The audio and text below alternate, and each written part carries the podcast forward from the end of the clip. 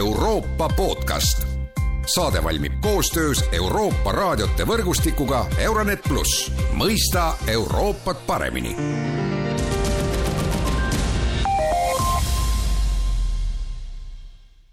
tere taas kuulama Euroopa podcasti. tehisintellekt on hakanud meie elu mõjutama pea igas valdkonnas ja käivad arutelud, kui kaugele üldse tehisintellekti mõju võib ulatuda. Üks nendest valdkondadest, kus tehisintellekt mängib üha suuremat rolli, on tõlkimine kas tehisintellekt võtab tõlkijatelt töö ja leiva või on teated tõlkijate kadumisest liialdatud sellest on täna stuudios rääkimas Euroopa Komisjoni tõlkeosakonna tõlkija ja toimetaja Rita Niineste, tere päevast! tere päevast! ja mina olen Erkki Pahovski. no see minu mõte seda vestlust siin pidada tulenes ühest Politico artiklist, mis rääkis siis sellest, kuidas tehisintellekt on vähendanud Euroopa Komisjonis tõlkijate hulka aga samas seal artiklis öeldakse ka seda, et, et see tehisintellekt teeb tõlkijate töö ikkagi kergemaks, et Rita, et kuidas siis on, et kas, kas sa näed nagu seda, et sinu ümbert kaob kolleeg aeg-ajalt ära, kui ja nad lähevad uut tööd otsima ja teisest küljest igapäevane töö, et kas see tehisintellekt on siis nagu äh, teinud selle töö lihtsamaks? ühest küljest äh, jah või on see tõsi küll, et Euroopa Komisjonis on vähem tõlkijaid, kui neid oli, aga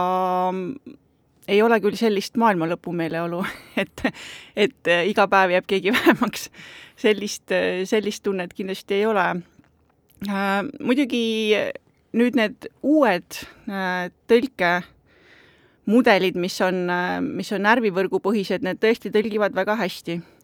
ja nendest on tõepoolest väga suur abi ja sa pead äh, nüüd selgitama, mis on närvivõrgu põhised äh, tõlkeprogrammid, sest mina ka ausalt öelda seda ei tea, ehkki ma olen ka tõlkimisega natuke tegelenud.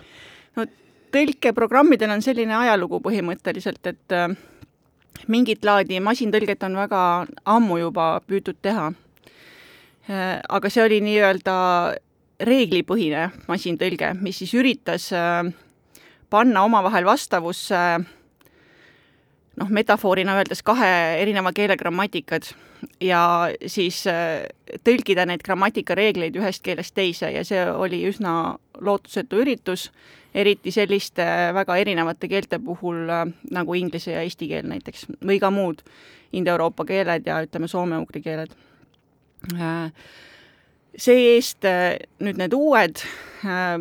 uued tõlkeprogrammid või tõlkemudelid on sellised, mis, mis ei otsi mingisuguseid äh, reegleid sellest äh, tekstist, mida ta tõlgib, vaid mis äh, ennustavad nii-öelda suurte tekstikorpuste, suurte tekstimahtude pealt, mille peal neil on, mille peal neid on treenitud, seda nii-öelda õiget vastet ja nad on selles märkimisväärselt head. kui varem oli niimoodi, et, et masintõlge oli ikkagi selline, et me saime seda küll kasutada, aga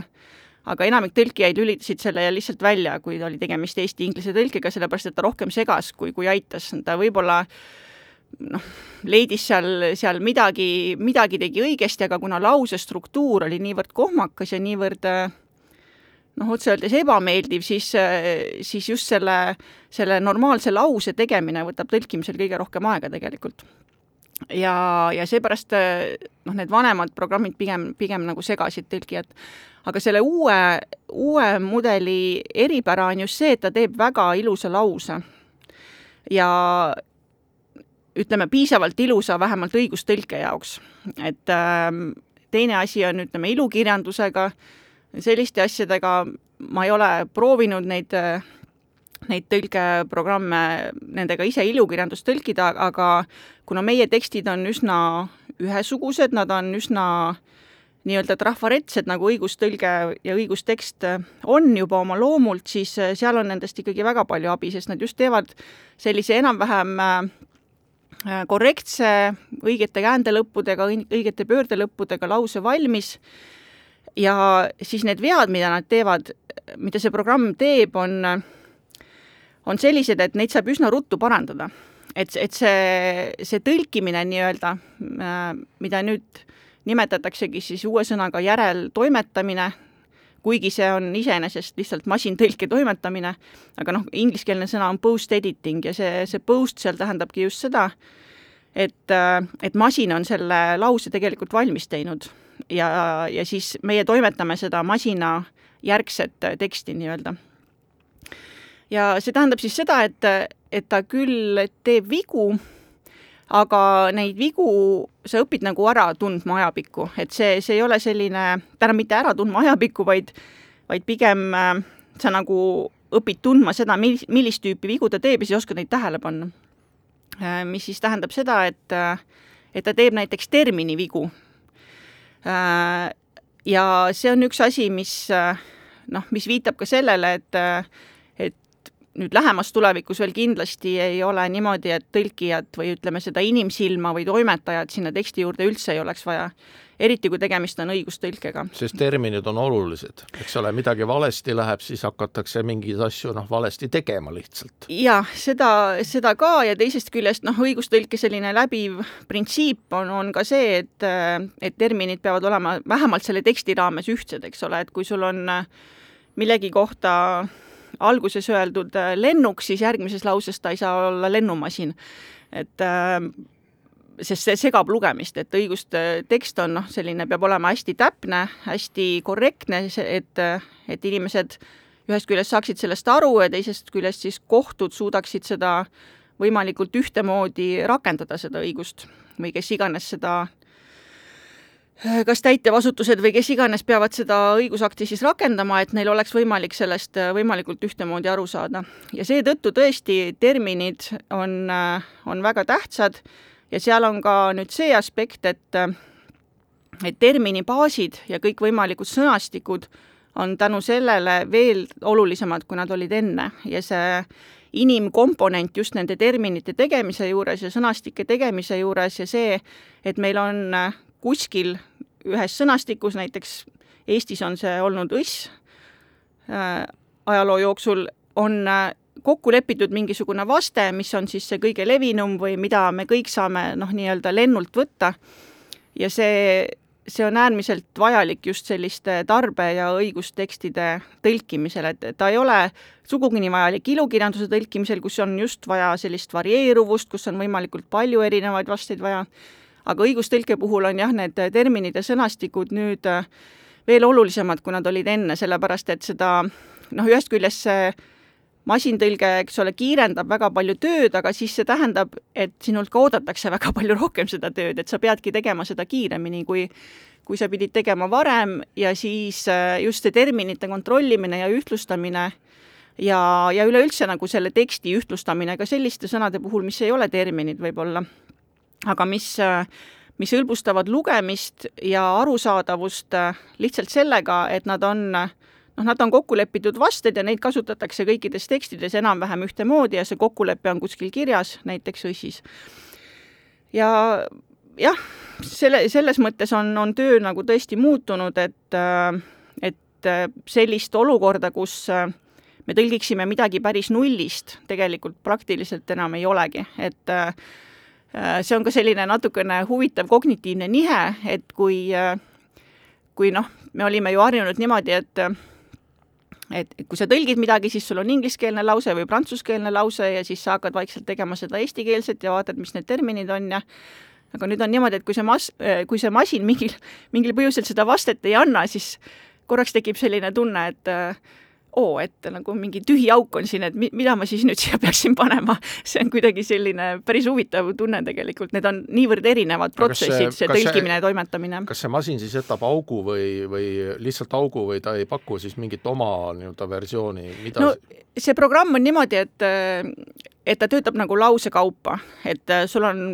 kogu aeg lahti nii-öelda terve tekst, nad on paralleeltekstina on ees võõrkeelne tekst ja eestikeelne tekst ja siis on see, need, see lause, mida sa parajasti tõlgid, on veel nii-öelda noh, sealt nii-öelda välja tõstetud või see on see, mida sa parajasti teed. ja, ja enamasti sinna noh, sinna siis eestikeelse lause kasti hüppab mingi masintõlge ette ja kui teda siis mingil põhjusel ei tule, ma isegi ei tea, mis see põhjus tavaliselt on, miks, kas seal on mingisugused äh, tehnilised asjad või no aga seda juhtub aeg-ajalt, et noh, see kastike on tühi, kui sa ta lahti teed. ja siis tuleb selline nagu korraks selline ehmatus, et oi, et, et ma pean hoopis mingisuguse teise protsessi oma peas käivitama kui see, mis mul on siis, kui, kui sinna kogu aeg nagu midagi hüppab ja ma hakkan vaatama, et kuidas noh, see on nagu tõlk, põhimõtteliselt nagu tõlkimise ja toimetamise vaheline erinevus, aga noh, me oleme harjunud niimoodi, et me teeme kas ühte või teist. aga kuna noh, mõnikord on nagu vaheldumisi, siis äh, tuleb ennast kuidagi niimoodi ümber häälestada oma peas no need Euroopa õiguse tekstid on ju tegelikult väga mahukad, et kui ma mäletan sellest ajast, kui Eesti ühines Euroopa Liiduga, siis Euroopa Liidu õigustik AKI oli kokku kaheksakümmend tuhat lehekülge ja nüüd on tegelikult ju, nagu sa tegelikult juba ka mainisid, see, et eh, need tekstid saab ära tõlkida ikkagi väga kiiresti. Ehm, neid saab mingis mõttes tõlkida väga kiiresti, aga noh, tegelikult äh, muidugi mitte, et äh, selle masintõlke noh, praegune mina ütleks, kõige võib-olla tugevam funktsioon on ikkagi selline üldarusaamise võimaldamine, et sa võid võtta ükskõik miskeelse teksti, ükskõik mis seal siis kirjas on, ja see masin, noh, põhimõtteliselt nagu paned Google Translate'i, et ta annab sulle mingisuguse arusaama no,. ettekujutuse. just nimelt ettekujutuse, mis seal on, millest jutt käib, kas see noh, millest üld-, mis valdkonnas see jutt käib, noh, mingid sellised asjad. aga noh, õigustõlget kui sellist kor-, korrektset äh, ühtlase terminikasutusega õigustraditsiooni arvestavat äh, igatpidi korrektset äh, tõlget loomulikult see masin ei tee ja ma ei oska öelda, millal ta seda tegema hakkaks või kas ta üldse hakkab ja mingisugune selline inimsilm peab seal kindlasti need äh, tekstid üle lugema, sest kui me noh, oma elu ikkagi päriselt õigusakti tasemel usaldaksime masinale, siis me ikkagi lõpetame halvasti, ma arvan. no ehkki räägitakse ka sellest, et äh, ka kohtusaaliski hakkavad robotid juba õigust mõistma, nii et äh, no see on umbes samamoodi nagu nagu kiiruse ületamise saab, eks ole, masin fikseerida ja saata välja selle teate, et te olete kiirust ületanud ja see on mingis mõttes õigusemõistmine, et sulle on määratud karistus, eks ole. aga seda, et, et see tekst, mille alusel üldse seda õigust mõistetakse, et selle saaks masin korrektselt valmis teha, ta võib seda saada, aga inimene peab selle üle vaatama, kas ta ikka on korrektne, sellepärast et noh, see on selle masina selline äh, suur illusioon, eks ole, kogu selle tehisintellekti, et ta justkui saaks aru või ta justkui teeks midagi, mis midagi tähendab, aga tegelikult masinale ei tähenda ju miski midagi, et talle ei, tema jaoks ei ole mingisugust tähendust mitte millelgi, ta lihtsalt ennustab selle pealt, mis talle sisse on söödetud ja üritab teha korrektseid lauseid. aga ta ei saa aru, kas need on korrektsed või mitte, ta ise ei tea aga siit edasi muidugi, et kas sünkroontõlget võiks ka praegu tehisintellektiga teha või et äh, keegi räägib sulle kogu aeg, lihtsalt äh, masin loeb sulle nagu tõlget peale? Mm, ma ei tee ise enam ammu sünkroontõlget, aga ma olen aru saanud, et seal on äh, mingid võimalused küll seda masintõlget kasutada, aga vist pigem niimoodi, et, et see suuline tekst muudetakse siis nagu kirjalikuks tekstiks ja sealt on siis võimalik kas termineid välja noppida või kuidagi mingisugused nagu võimalused on, on ka suulises tõlkes seda teha, sellepärast et äh, noh, muidugi see, see oleneb ka sellest ka, et kui, kui äh, hästi on välja arendatud see tehnoloogia, mis teeb kirjaliku teksti suuliseks, et siis juba saab nagu seal edasi automatiseerida. aga praegu see kindlasti ei ole veel selline, et, et saaks teda ka nagu ilma inimeseta kasutada? No kui nüüd kokku võtta, et minevik ja tulevik, et, et noh, sa oled teinud seda tõlkija tööd ju päris kaua ja, ja nüüd tundub, nagu sa juba mitu korda ütlesid, et see tõlkija töö olemus on muutunud, et kui sa võrdled siin ütleme kümmekond aastat tagasi, et mida sa tegid, on ju, ja mida sa teed praegu ja mida sa võiksid teha tulevikus jah, kümme aastat tagasi me tegime ikkagi kõik need laused ise ja mingis mõttes ma olen, ma olen nagu püüdnud seda jälgida, et, et kui palju neid masinalauseid ma äh, jätan nagu puutumata. ja neid on tegelikult väga vähe, kuigi samal ajal selline üldmulje on, et see masin ikkagi tõlgib väga hästi. isegi minul, et noh, ma äh, ma seda vana masintõlget, ma olin sellele suur vastane, see tundus äh, lihtsalt aja raiskamine, ma ei kasutanud seda, see uus on nüüd väga hea aga sellegipoolest äh, praktiliselt igas lauses on midagi noh, kas teema-reema tõttu või, või terminite tõttu või ühtlustamise tõttu või selle tõttu, mis on järgmises või eelmises lauses, tuleb midagi ikkagi muuta. samas äh, noh, kõige tähtsam on ikkagi see, et ta teeb selliseid lauseid, mis on mis ei ole konarlikud, mis on üsna sellised äh,